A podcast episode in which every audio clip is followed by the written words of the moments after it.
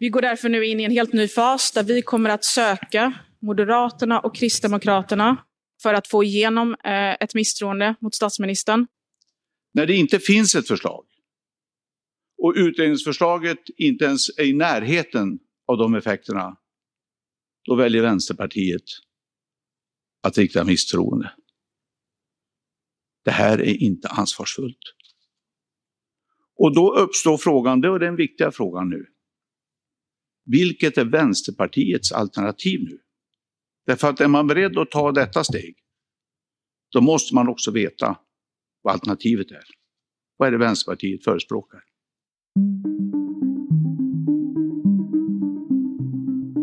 Ja, vad är det som händer egentligen i det politiska Sverige?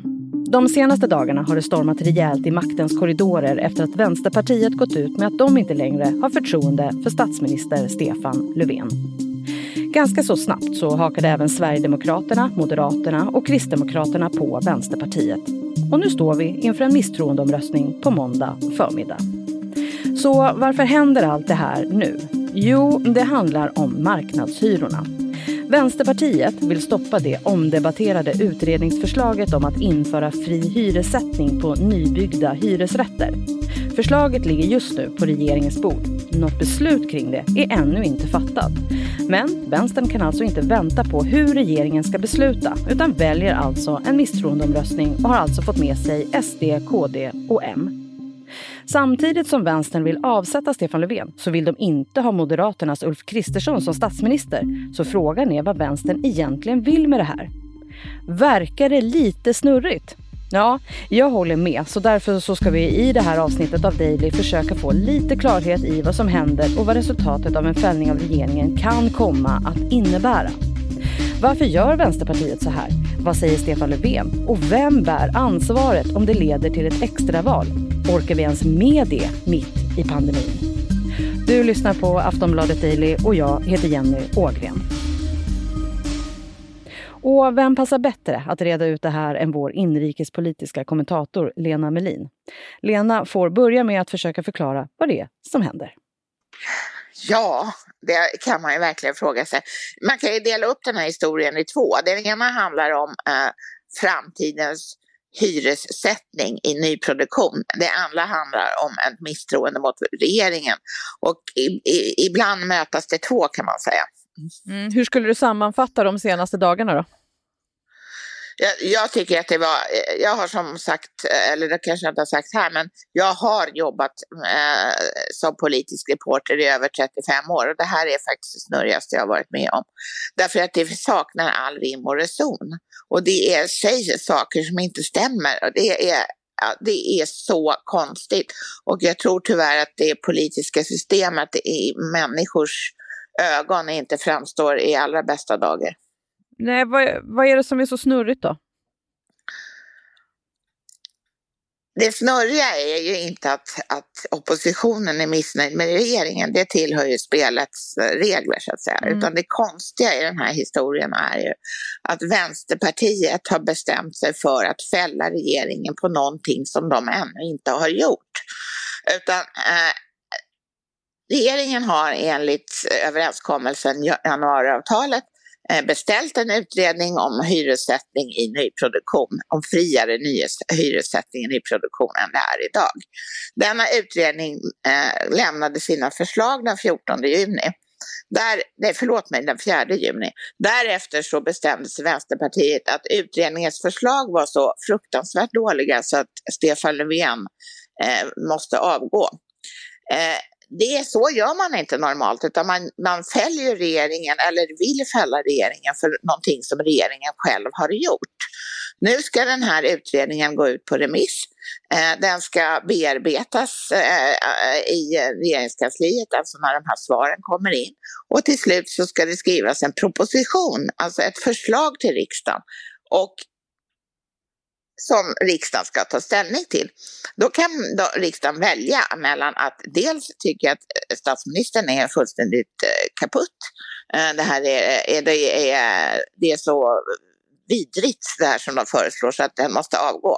Eller också kan man helt enkelt rösta ner förslaget om man tycker att det är dåligt. Men det finns om, om regeringens förslag överhuvudtaget kommer att likna utredningens förslag så finns det ingen majoritet i riksdagen emot, emot de här förslagen. Ja, det är nog säkert många som undrar vad Vänsterpartiet håller på med, men är det ändå inte logiskt att de driver sina frågor? Absolut, men de driver ju på ett sätt som man undrar om de nyss har gått ut förskolan eller kanske fortfarande är kvar där. Därför att man kan enligt mig inte fälla regeringen för någonting som, man, som regeringen inte har gjort. Och nu har de inte gjort någonting ännu. De har inte lagt ett enda förslag på det här området till riksdagen för riksdagens bedömning. Så, eh, eh, dessutom bryter de mot vad de själva sa eh, i januari 2021 när, eh, re, när eh, Stefan Löfven, jag pratar ju alltså i januari 2019 menar jag såklart, eh, eh när, när, eh, när riksdagen röstade fram Stefan Löfven som statsminister, då berättar ju varje partiledare eller gruppledare om varför de tänker rösta på ett visst sätt i statsministeromröstningen. Och då eh, sa Jonas Sjöstedt, som då var Vänsterpartiets ledare, att de skulle om regeringen la fram förslag som på det här området, alltså när det gäller eh, friare hyressättning eh, i, eh, i eh, nyproduktion, så skulle, det, så skulle regeringen inte kunna räkna med ett stöd, ett fortsatt stöd från Vänsterpartiet. Och nu har ju inte regeringen gjort det ännu, så att de, har, de har inte ens, följer inte ens det de själva har sagt. Um, utan regeringsförslaget kommer ju sent i höst om regeringen sitter kvar. Mm. Har de någon skyldighet mot en regering som ändå har valt att hålla dem utanför?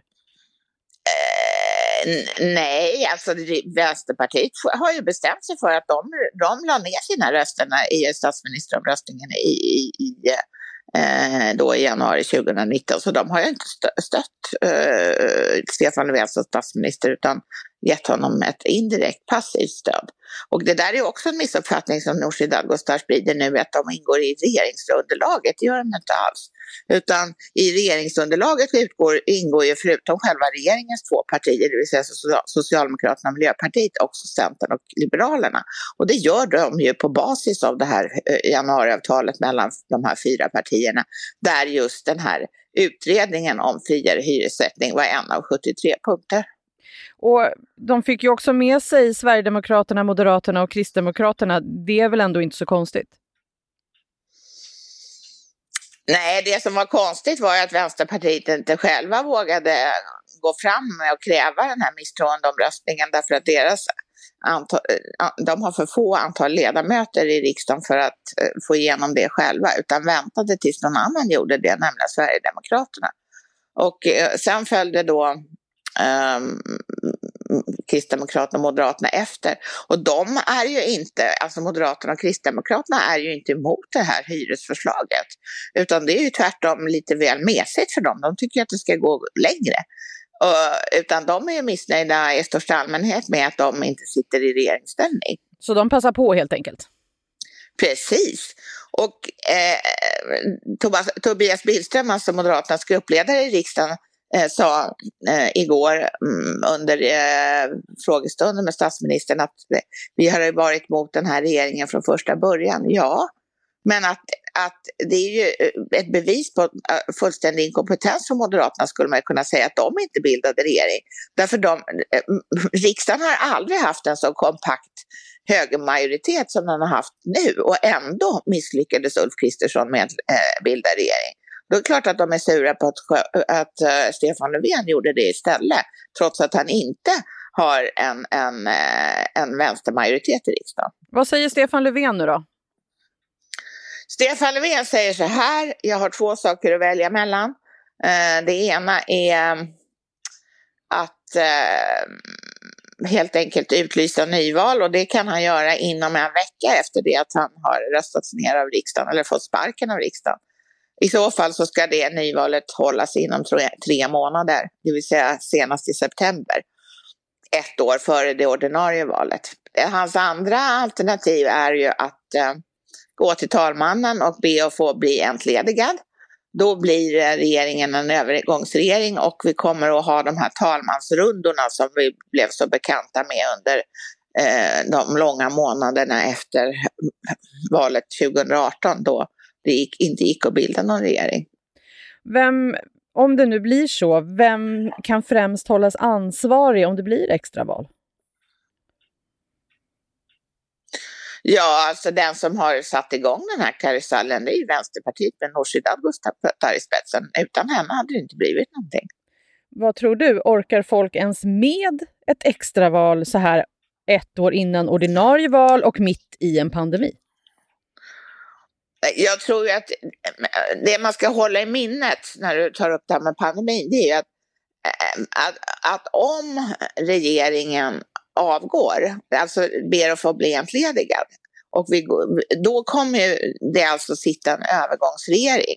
Och den, får ju, alltså den ska ju bara se till att saker och ting rullar på. Den får inte ta några initiativ i någon riktning. Det vore kanske, Eh, får vi en fjärde våg av, av, av, av pandemin i höst, så vore ju det, eller tidig höst, så vore ju det sannolikt väldigt dåligt.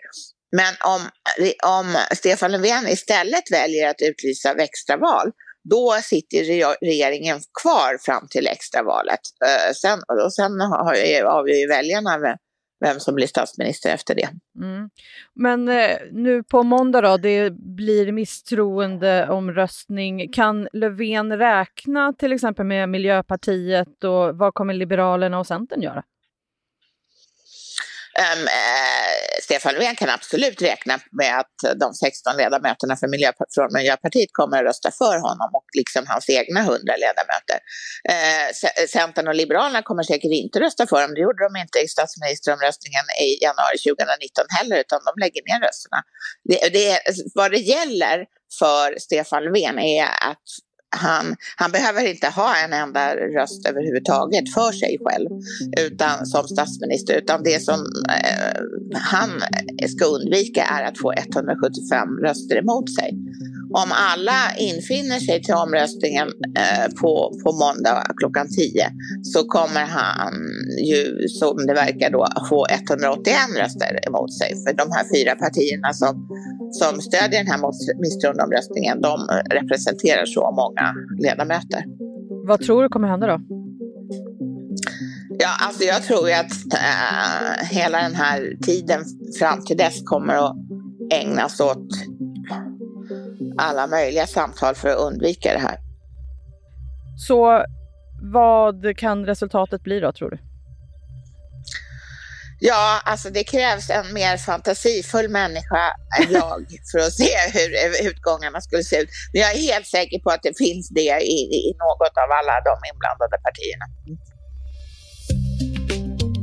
Sist här hörde vi Lena Melin som är vår inrikespolitiska kommentator. Jag heter Jenny Ågren och du har lyssnat på Aftonbladet Daily. Det senaste om det som händer kring regeringskrisen det hittar du på aftonbladet.se och vi lär få återkomma till det här i veckan. Du får också gärna följa Daily i din poddspelare så missar du inga avsnitt. Vi hörs snart igen. Hej då! Du har lyssnat på en podcast från Aftonbladet Ansvarig utgivare är Lena K Samuelsson.